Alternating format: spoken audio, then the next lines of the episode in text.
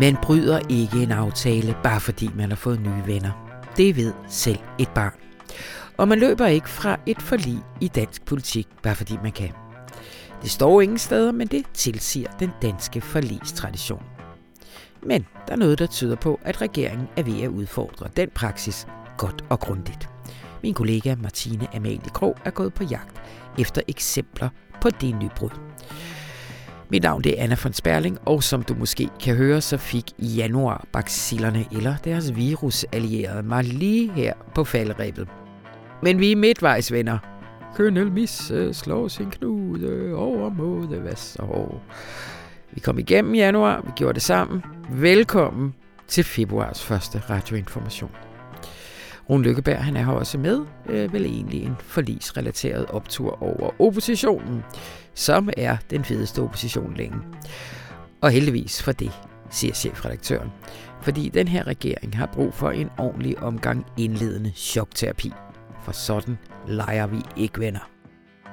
Men allerførst så skal vi tale om en af de største brugere af det danske sprog nogensinde. Vi ser farvel til Henrik Nordbrandt, der døde tirsdag morgen 77 år gammel.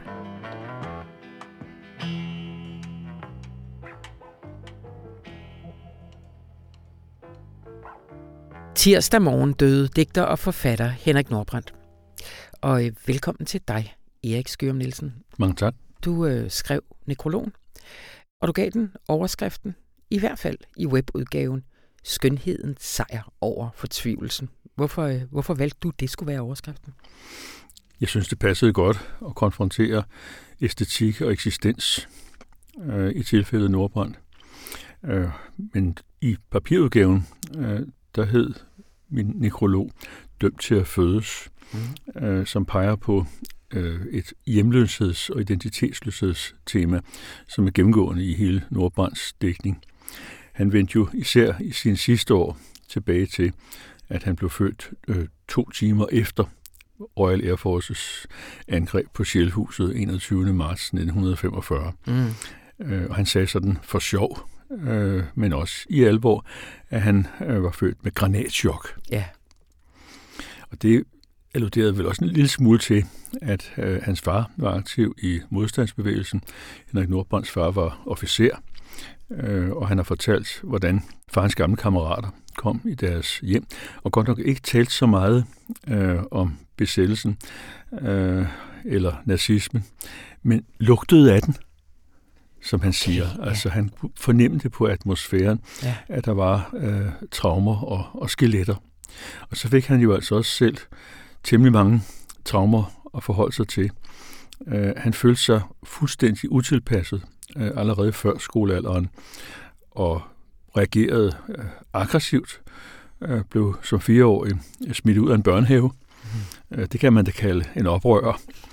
Øh, og så senere, øh, så vendte han oprøret indad, øh, i og med, at han så at sige forsøgte at destruere sin egen krop ved at sulte sig. Ja. Øh, hvad der gjorde ham til et medicinsk særtilfælde. Altså i dag vil jeg jo sige øh, anoreksia nervosa, mm. eller nervøs spiseværing. Men dengang var det ualmindeligt at se en ung mand øh, være så umanerligt tynd. Ja. Og det afsatte jo så også øh, titlen på Henrik Nordbrands erindringer, øh, Døden for Lübeck ja. øh, som var noget, som en medpatient på Slagelse sygehus øh, sagde til ham.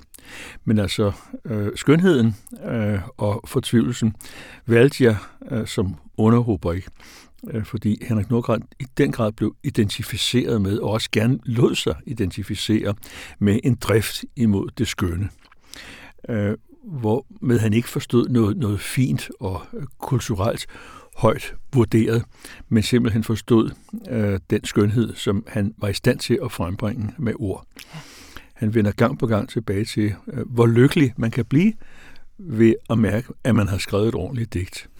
Og modsætningsvis, øh, hvor fortvivlet man kan blive, øh, når det netop ikke lykkes. Ja. Og der har vi jo bare et af de store paradoxer, øh, når vi taler om Henrik Nordbrandt, at denne her ordkunstner, som alle nu er enige om, øh, var en af Danmarks største lyrikere overhovedet ja. gennem tiderne, at han havde et så ambivalent og fremmed forhold øh, til sproget. Ja.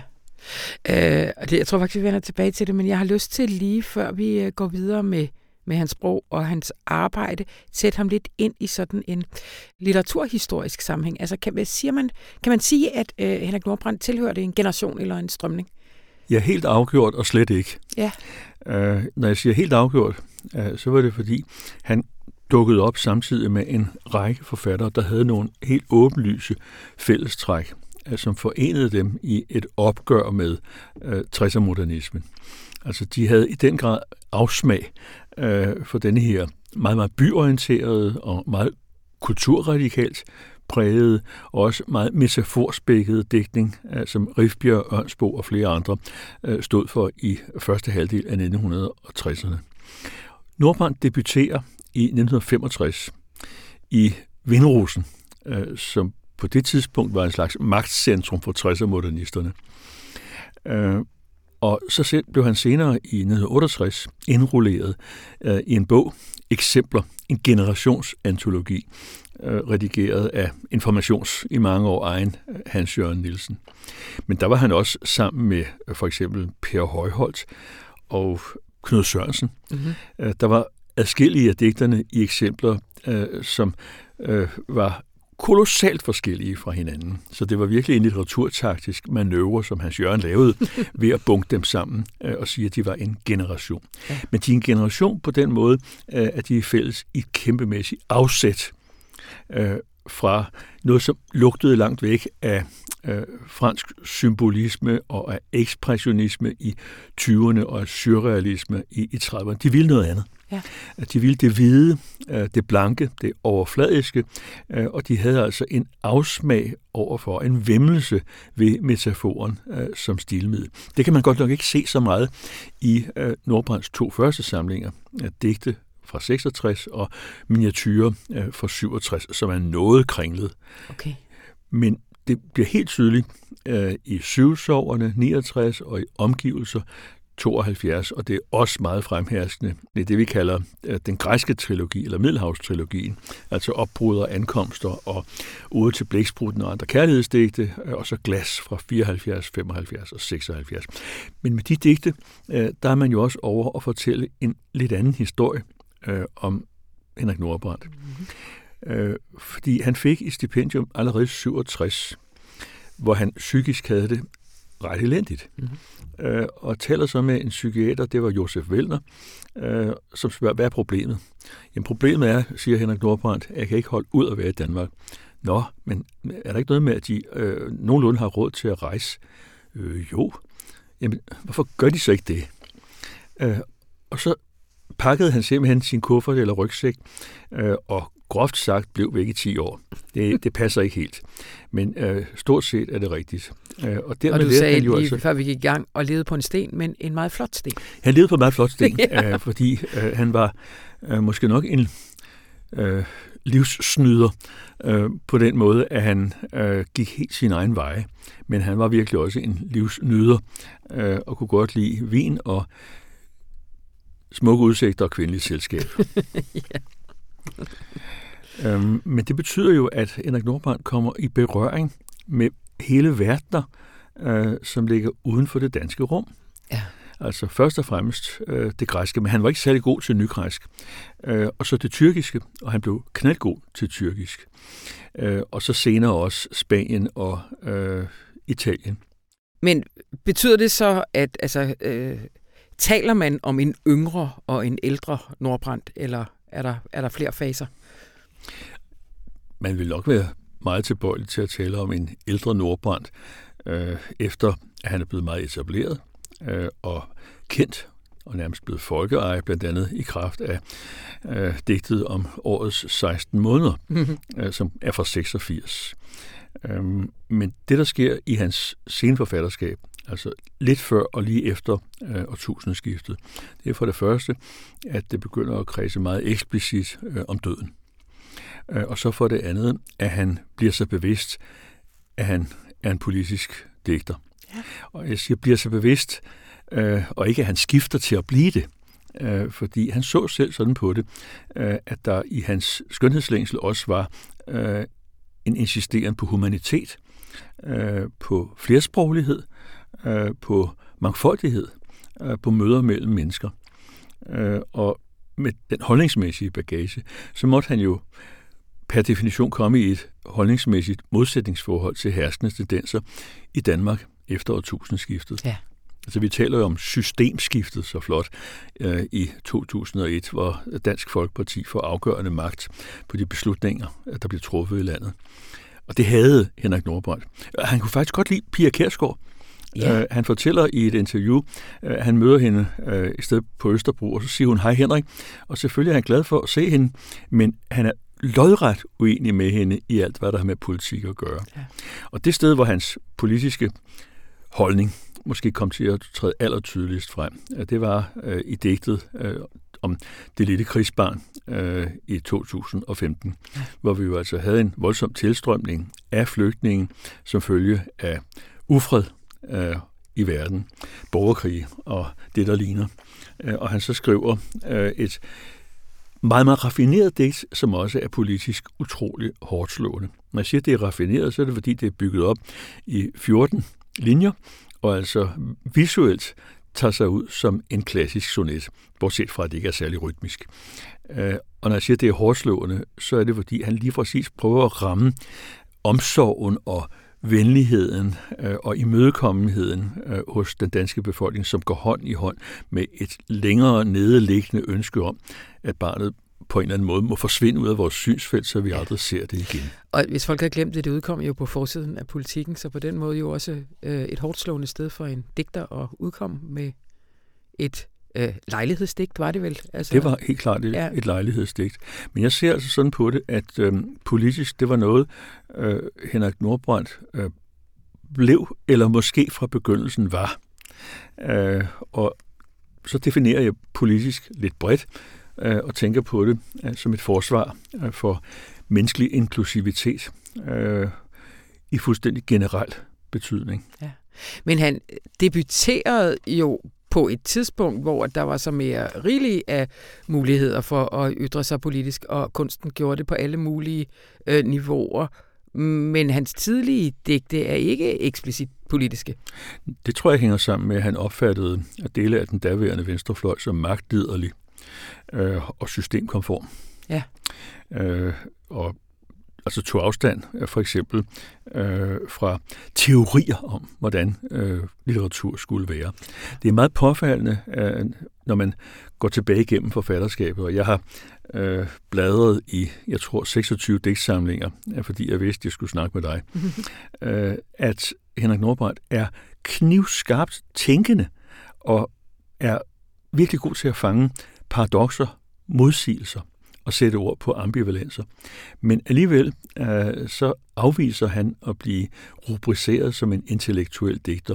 Og han skrev for eksempel aldrig nogen poetik. Altså i det omfang, der er poetikker, øh, så er de mere implicite. Øh, Hvad og, mener man med poetikker? Ja, altså læredigte om poesi, eller også øh, decideret teoretiserende fremstillinger, øh, sådan som for eksempel Højholdt og Pia Taftrup og Søren Ulrik Thomsen øh, og Paul Lacour har formuleret dem. Det vil han slet ikke være med til. Og så alligevel er der jo øh, en tænkning ja. hos ham. For eksempel i den samling, som hedder Guds Hus fra 1977, som jeg holder meget af. Det handler om et hus mm. på øen Simi, øh, som på græsk øh, hed Hos Gud, men som Henrik Nordbrandt altså kalder Guds Hus. Og der skriver han, Jeg tror på tilfældet, der ophæver alle tilfældighederne. Dagen i rækken af dage, der ophæver rækken, og det tilfældige smil i drømmen, der går drømmen til virkelighed og virkeligheden til tilfældet. Mm. Der bøjer han jo ordet tilfælde. Øh, vi siger tilfælde, altså coincidence, øh, men vi bruger jo også tilfælde om noget, som er faktuelt det og det er tilfældet. Ja. Ikke? Og den dobbeltbetydning ja. øh, bruger han som afsæt for et i virkeligheden jo altså filosofisk digt. Det er gennemreflekteret, mm. men man mærker det ikke. Altså mm. intellektualiteten øh, kommer så at sige snigende øh, af bagdøren. Mm. Mm. Erik, du starter din nekrolog med at skrive, den, som ved Henrik Nordbrands død forsøger at ytre sig om hans fænomenale forfatterskab, bliver uværligt tvunget ind i paradoxer og frontale selvmodsigelser. Og så har du sådan en række øh, selvmodsigelser, og vi har været inde på nogle af dem, men, men jeg har lyst til, at vi, øh, vi går lidt, øh, lidt mere metodisk til værks, fordi du skriver som det allerførste, at hans dækning står i hjemløshedens tegn, men det kredser ikke desto mindre om stedet. Hvor, øh, hvor, hvor ser du det? Jamen, du kan gå rundt i hans digte, øh, og så holde dem op imod omgivelser. Ja. Altså Frederiksberg, øh, for eksempel, men så sandelig også steder øh, langs Middelhavet. Øh, på den måde er han stedsbunden, men det hænger sammen med, at han, øh, som Wallace Stevens, et af hans store forbilleder, formulerede det, mente, at I am what is around me. Jeg ja. er, hvad der omgiver mig. Uh, han forsøger altså at måske ikke blive et med, fordi han tror ikke, man kan blive et med noget som helst, men i hvert fald at synke ned i eller at sanse omgivelserne. Uh, litteraturforskeren Dan Ringgaard har sagt det meget flot, at han bruger lyset til simpelthen at møde og udvide verden. Og den forstand, så er han en omgivelsesorienteret og omgivelsesafhængig digter. Ja. Men samtidig med det uh, har vi jo altså det her kæmpe store og gennemgående uh, utilpassethedstema, uh, at han ikke føler sig hjemme nogen steder. I en af hans samlinger står der for eksempel, pak aldrig din kuffert ud. altså hold fast ved, at du er uh, et rejsende menneske, yeah. uh, som kan gå på dine fødder, uh, og i øvrigt også svømme, uh, som han jo også lærte at sætte meget pris på. Ja. Jeg synes, det er sjovt, fordi det var lige ellers lige et par hak ned, men så lad os tage den nu. Det her med metaforen, du har været inde på det et par gange allerede, men når du for eksempel siger, pak aldrig din kuffert ud, og så udlægger du det som et også, hvad skal man sige, øh, en måde at sige, at vi som mennesker altid er på en eller anden rejse. Øh, så det er vel en metaforisk læsning af, af, af det. Nej, det er en repræsentativ læsning og, og billedlig, ja. men, men den er ikke, men er det ikke den er ikke i, i den er ikke i litteraturteknisk forstand en metafor. Det vil det ikke være. Nej. Okay. Fordi hvad, hvad, når du siger, han, han afskyede metaforer og gik uden om metaforer, hvad repræsenterer metaforen sådan også øh, i litteratur, i det opgør, som, som han var med til at lave? Det er en lidt lang historie, fordi der er jo flere metaforteorier i omløb. Jeg, kunne, altså, jeg kan fortælle eksempel, jer her, der ikke kunne se det, at Erik han smilede sådan et lumsk smil. der er flere metaforteorier i omløb. En, der går ud på, at metaforen bare er en ren dekoration, altså hvor mm-hmm. man mhm. hænger noget uden på det, man vil sige, for det skal lyde lidt flottere. Uh, og så er der en, som handler om, at metaforen er dynamisk uh, og kreativ, uh, og dermed jo altså fuldstændig nødvendig, uh, hvis man vil skrive poesi. Uh, men når du siger øh, med Nordbrand, pak aldrig din kuffert ud, mm. øh, så er det et generelt udsagn om en holdning til tilværelsen. Men det er sprogligt set ikke en metafor. Nej. Men hvis man så også med Nordbrand siger, jeg kommer fra eftersommer af uendelig melankoli, så har du lavet en metafor på den måde, at du har bygget en stemning øh, sammen med årstiden. Mm. Øh, og den er der selvfølgelig masser af den slags metaforer, øh, hvor eksempelvis altså et hus øh, bliver gjort til metafor øh, for et jeg. Men Nordbrandt er meget påpasselig med øh, på en gang at dekonstruere og så genopbygge øh, metaforen. Og, og det er faktisk det geniale ved hans, hans billedbrug, at den ikke er generaliserende. Øh, metaforen bliver hos ham ikke ophøjet til et symbol, og metaforen øh, får ikke lov til at blive sådan en slags betydningsparaply, som erstatter alle enkelhederne i digtet. Mm. Øh, det er den generaliserende øh, og symboliserende tendens, han prøver øh, at gøre modstand imod. Ja. I min nekrolog, der citerede jeg Per Højholdt, som jo også var med i Hans Jørgens øh, antologi i sin tid. Øhm, når alting sammenfalder med sit billede, hører virkeligheden op. Det er Højholds sprogfilosofiske udsagn øh, om metaforens ubrugelighed. Men Højholdt vidste lige så godt som Nordbrandt, at man ikke kan undslippe metaforen. Men du, du, bruger, du har faktisk et digt i øh, nekrologen, hvor du siger, prøv at tælle ikke én eneste metafor. Ja. Altså, det, at, det, det er fordi, det simpelthen er øh, øh, svært at skrive et digt uden metafor. Ja, øh, men Nordbrandt kan altså. Ja. øh, og slipper, slipper afsted med, med det umulige. Der er jo også folk, der siger, at øh, kunst det er at realisere det umulige, eller gøre det muligt. Vi kan bare tage et andet. Ja. Det behøver ikke være sørmodigt digt i anledning af hendes bortnærværelse, øh, som jeg citerede i nekrologen. Det kan også være, jeg taler om dig. Mm. Jeg taler om dig, og det er svært at tale om. Så taler jeg om, at jeg taler om dig, når jeg taler om efteråret. Spindelvæv, så fine, som tabt er glemte brude i plovfugerne, de tunge dugdråber i den sene eftermiddagssol, og senere de lange skygger over plænen, stormen, som blæser lindtræernes kroner af, allerede inden jeg begynder at tale om stjernerne. Og stjernernes sker i husets revnede ruder, som klirrer, når nattefrosten sætter ind, og alle lyde bliver gennemtrængende, når jeg taler om alt dette. Alt dette, som taler om dig, og som er svært at tale om, så taler jeg til dig. Der våger han sig jo ind i metaforjunglen mm, mm. i midten af, af et digt, mm. og taler om glemte brude i plovfugerne, øh, og får jo altså også træerne øh, gjort til symbol for forgængelighed, altså når lindetræernes kroner bliver blæst af. Men digtet begynder og slutter øh, i en frihed for metaforen. Mm. Og den poetik, altså den implicite poetik, Ja. den respekterede han sådan set øh, livet igennem.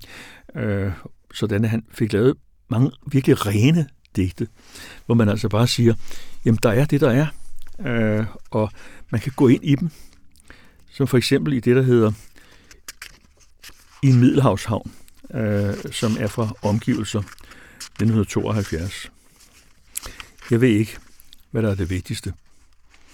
Den bitre kaffes krydrede sødme, blandet med smagen af morgenens første cigaret, eller lugten af fisk og nymalede både.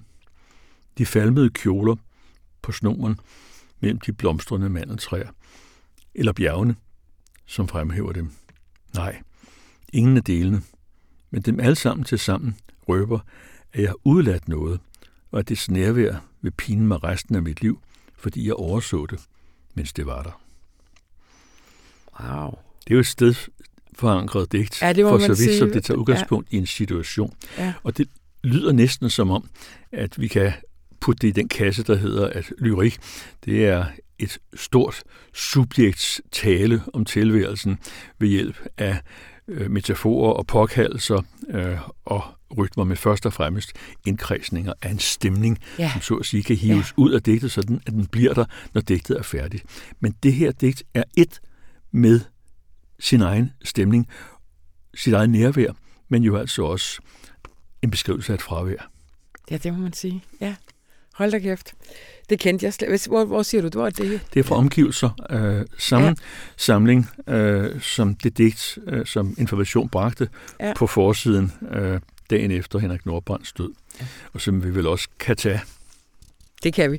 Skal vi ikke slutte af med det? Fordi at, Erik, der er altså lige nogle ting, jeg gerne vil igennem her. Ikke? Fordi at altså, en, en anden modsætning, som du fremhæver, det, det er det her med, at stemningen ofte er tungsindig, men samtidig er de ligefrem mundre også til tider.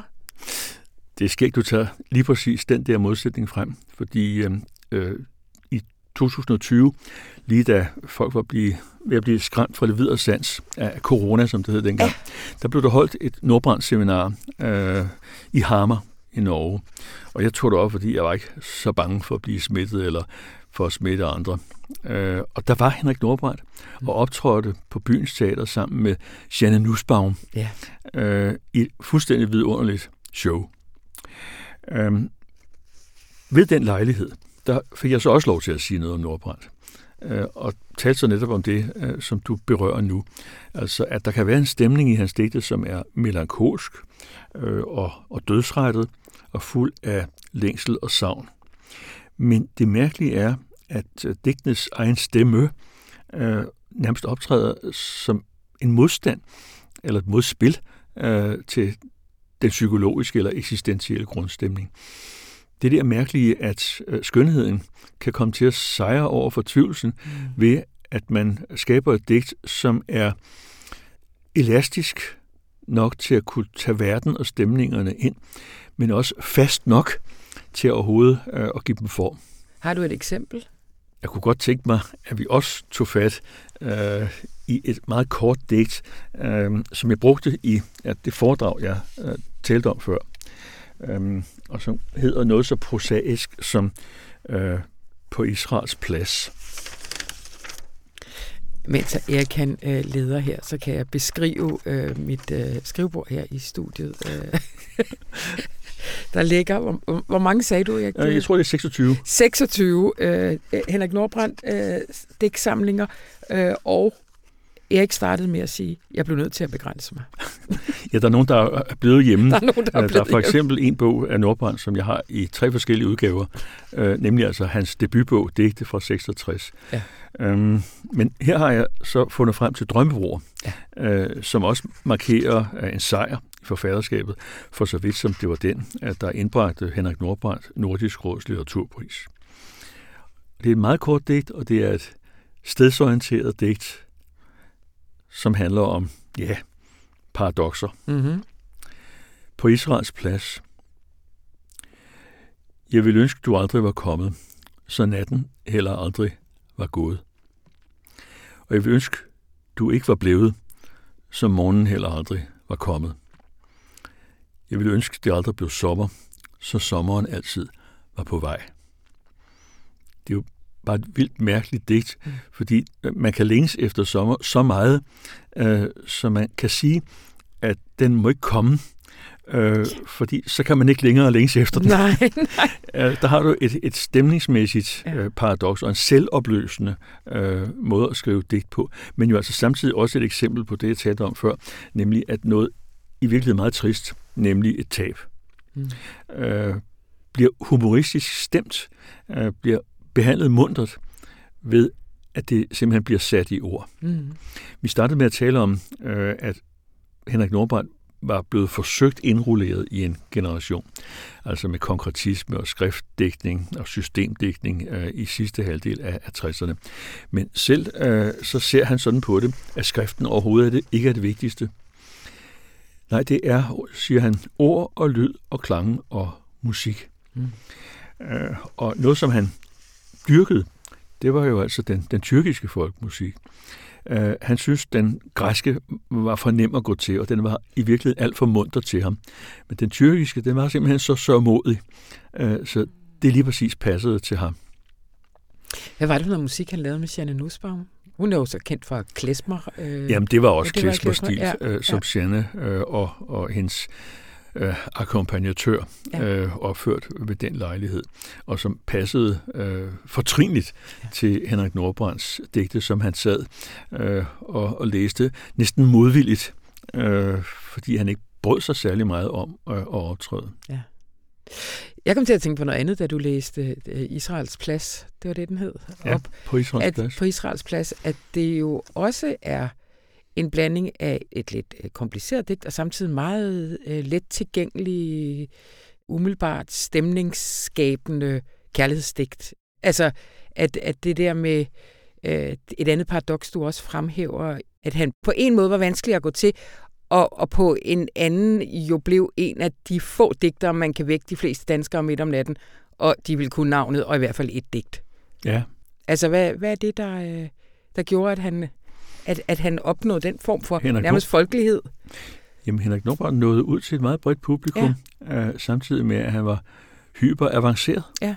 Øh, den der blanding af øh, raffinement øh, og, og enkelhed, øh, det har givet ham adgangsbilletter til mange menneskers hjerner, øh, men først og fremmest jo altså til vores hjerter. Ja.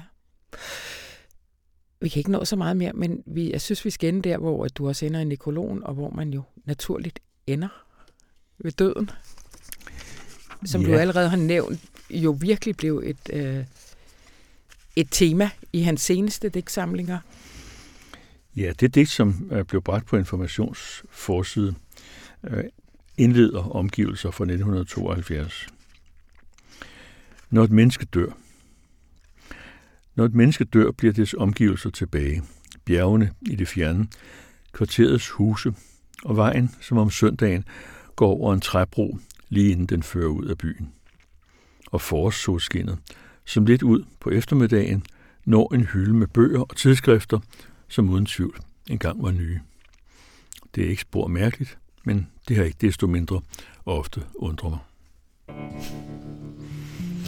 Det blev det sidste ord i denne omgang. Tusind tak, Erik Skør Nielsen. Tak fordi du ville høre på mig.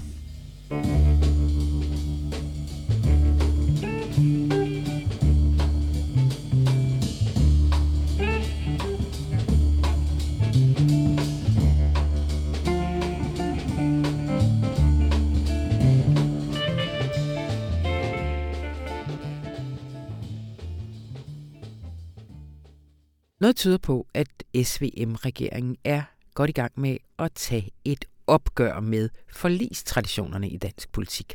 Og i praksis så vil det betyde, at Socialdemokratiet ikke længere er forpligtet af de forlig, som partiet indgik med det rød-grønne flertal. Og velkommen til dig, Martina Amalie Kron. Mange tak. Det har du en meget lang artikel om i, øh, hvad er vi, hvad er vi i, øh, i torsdagens avis? Øh, ja, Ja. det er det. Øh, og det er også vanvittigt spændende og lidt kompliceret. Så jeg kunne egentlig godt tænke mig at starte med, at du ligesom siger, hvad er det, man mener, når man taler om forlistraditionerne i dansk politik? Mm. Jamen, øh, forlig er jo øh, de her, hvad skal man sige, bindende aftaler, partierne laver med hinanden om noget, de gerne vil lave politik om.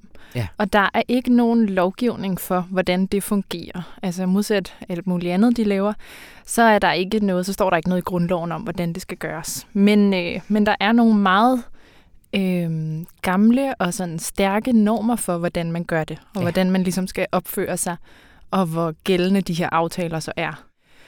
Øhm, så der findes ikke nogen lovgivning på området. Altså, der står ikke i grundloven, hvordan politikerne skal opføre sig i forhold til et forlig, og hvornår det gælder og ikke gælder.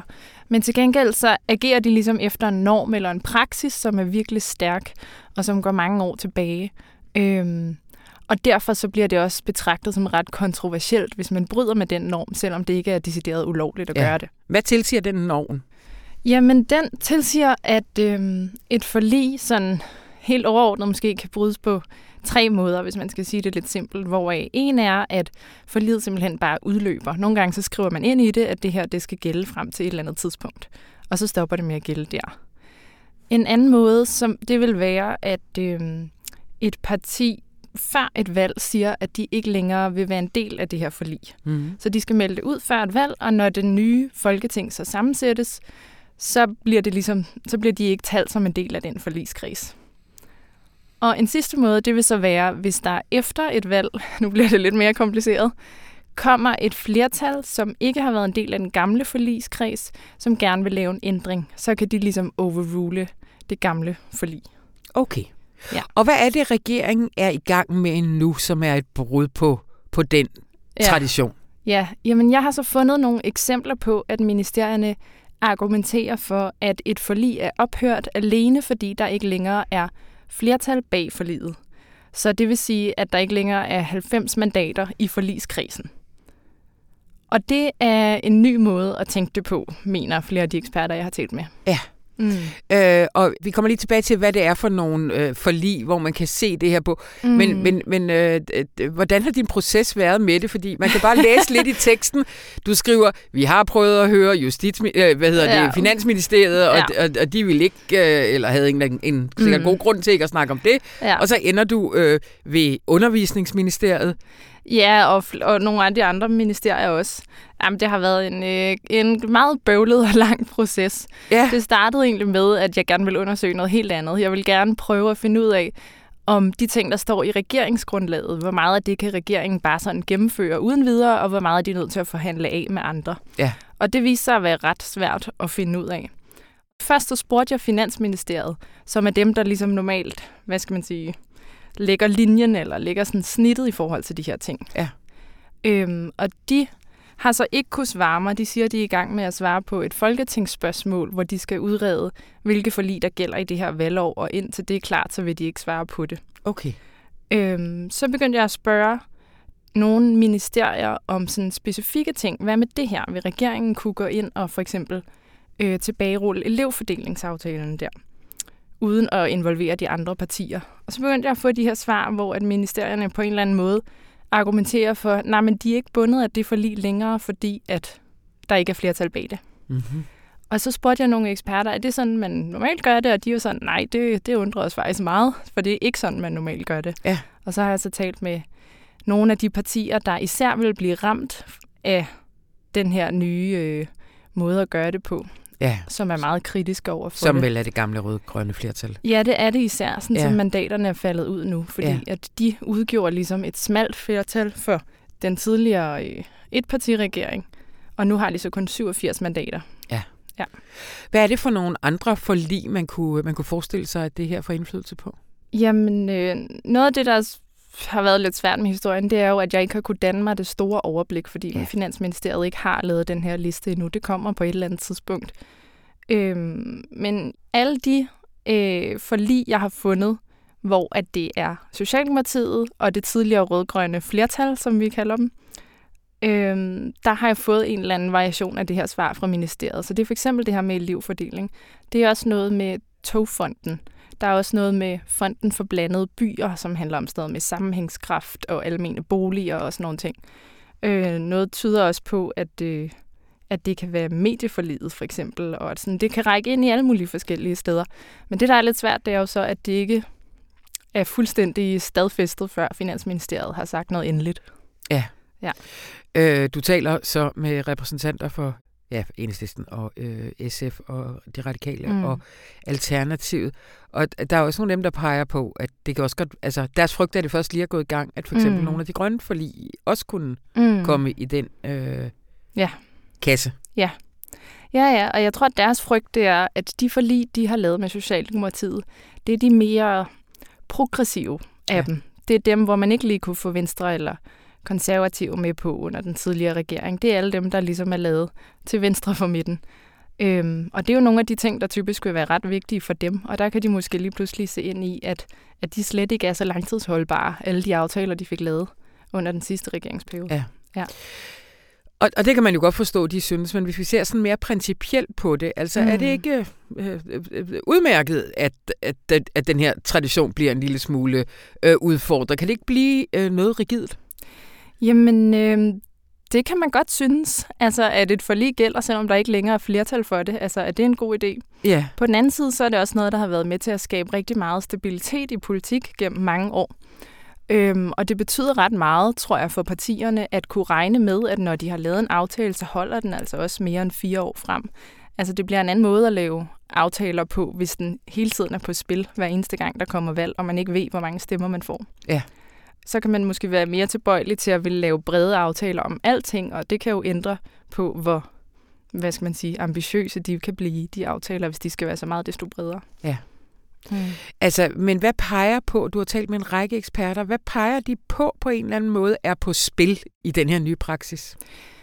Jamen, øh, på, hvad skal man sige, det der er på spil, det er vel, at regeringen får mere magt, er måske et mærkeligt ord at bruge i den her sammenhæng, men de får ligesom nogle flere handlemuligheder, Ja. fordi de er mindre bundet. Ja. Så de får færre ting, hvor de er nødt til at forhandle med andre partier.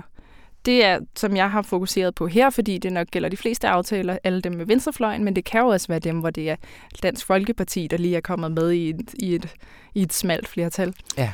Øhm, og alle de der bånd vil de jo så være løsnet fra og kunne agere mere eller mindre alene ud fra det faktum, at de har 90 mandater. Ja.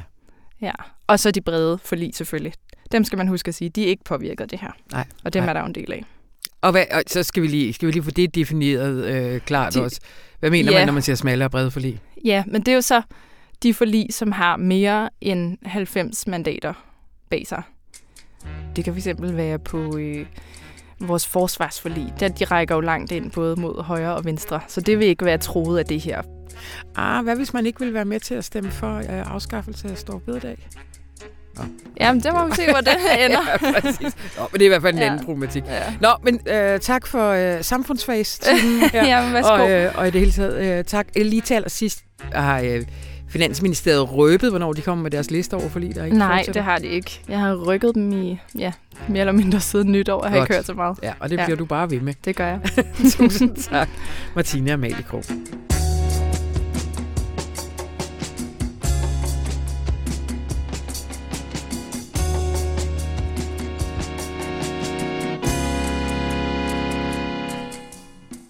God dag, Rune Lykkeberg. Hej, Anna von Sperling. Har du hørt den flotte stemme, jeg har fået?